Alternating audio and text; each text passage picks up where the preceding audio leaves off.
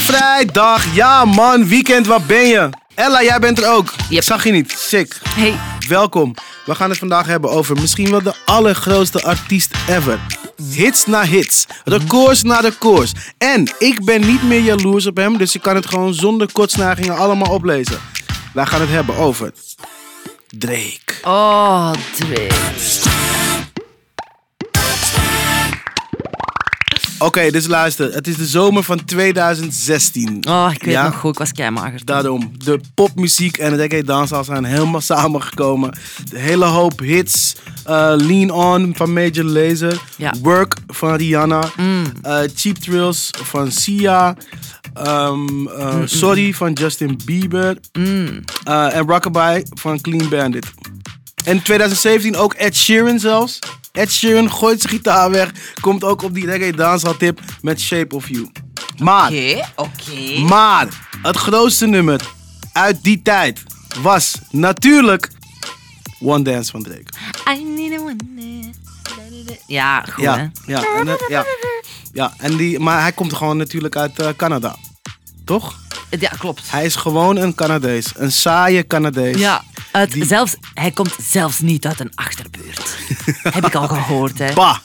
Bah. Een saaie Canadees. Ja. Die elke keer weer op een andere stijl springt. En dat eigen maakt. En dan toch weer een soort van succesvoller dan iedereen is die dat ook doet op dat moment. Ja, Hij schijnt dus ook al allegedly heel lang een soort van wel of niet ding te hebben met Rihanna. Ze kennen elkaar allebei al van voordat ze bekend waren, dat het net begon. Zijn ze nou wel iets geweest? Zijn ze niet iets geweest? Eh, Drake die gooit wel heel vaak soort van, van die subliminals dat hij dan zegt dat Rihanna hem gekwetst heeft. Want ja, iedereen kwetst Drake. Dat is een beetje zijn ding, hè? Drake, Drake is weer gekwetst. oeh, je hebt so many feelings. Ja, inderdaad. En, en, dus ik ga er een beetje van uit dat Rihanna hem aan de dancehall heeft geholpen. De Caribbean. De style. Caribbean, ja. zij, komt, eh, zij komt eh, van Barbados, toch? Ja. Dus eh, dat is, dat is de, soundtrack, de soundtrack van haar jeugd geweest. En ja, Drake heeft dat gepakt en heeft, heeft dat van hem gemaakt. En hij is er succesvoller mee dan ooit. Hij heeft ook super slimme truc die hij heeft uitgevoerd om tot die vele, vele streams te komen. Maar om zoveel mogelijk streams te krijgen, heeft hij expres geen videoclip erbij uitgebracht. Ja, alles werd gecentraliseerd, dus je moest wel eh, naar Spotify om het te luisteren. Bam, 1 miljard streams. En in de tussentijd zijn er alweer twee. 2 miljard 2, streams. 2 miljard streams. Ja. Is hij de allereerste artiest die geen videoclip heeft gemaakt? Hij is de allereerste artiest, punt.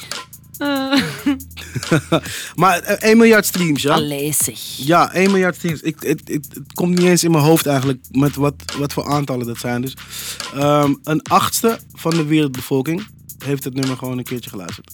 Dan klinkt het minder eigenlijk. vind ik, ik, vind, ik vind vaak van die statistieken, dat valt dan tegen. Ja, oké. Er is dus in dat jaar 5485 jaar aan één stuk naar Drake geluisterd. Oké, de- ja, dat, Deze is dat wel vind ik al toch? goed. Die is goed, ja. Die Ja, is echt precies. goed. En dat was 1 miljard, want het nummer staat nu alweer op 2 miljard. 10.000 jaar, one dance. ik vind het zo goed, ik ga er 10.000 jaar naar luisteren. En dan lijkt 2 miljard veel, hè? Maar sinds dit jaar, January, Mm. is Drake de meest gestreamde artist ever op Spotify. Met hoeveel streams? 50 miljard. Wat? 50 miljard? 50 miljard streams. Het getal komt niet eens Als in mijn in hoofd. 50.000 miljoen. Yes. Wat? Dat is gek, hè? Ik moet ook eerlijk bekennen dat ik jaloers was op Drake. Ik dacht altijd dat ik hem gewoon niet goed vond. Dat ik hem niet trok. Dat ik zijn kop gewoon niet, niet kon hebben. Wat ook nog een beetje wel waar is hoor. Ik bedoel, dat is niet helemaal weg. Ik snap nu dus eindelijk waarom ik zo, zo, altijd zo actief bezig was met Drake niet goed vinden. Ik was gewoon jaloers. Hij zit natuurlijk gewoon in dezelfde game als ik, maar dan op veel hoger niveau. Ik speel bij de Graafschap. Hij speelt bij eh, Barcelona toen ze nog goed gingen. Ja, zo, zo voelt dat. En, eh, en ja, het is natuurlijk ook, ook wel makkelijk om naar mensen te kijken die heel dik gaan. En dan zeggen van ja, maar hij pakt gewoon alles. En hij steelt dingen. En er zijn, waren ook heel veel, eh, heel veel Jamaicanen die, die ook zoiets hebben van ja, Drake. Oké, je zegt je houdt van Jamaica. eh, je, je zegt dat je down bent met ons. En je samplet onze dingen, maar nooit krijgen wij de credits. Not so cool. Not so cool. Not so cool. Maar ja, je hebt natuurlijk altijd meerdere kampen. Want eh, er zijn ook weer gewoon artiesten die gewoon heel veel hebben gehad aan het feit dat Drake eh, deze, die, die dancehall reggae zo, zo poppy heeft gemaakt.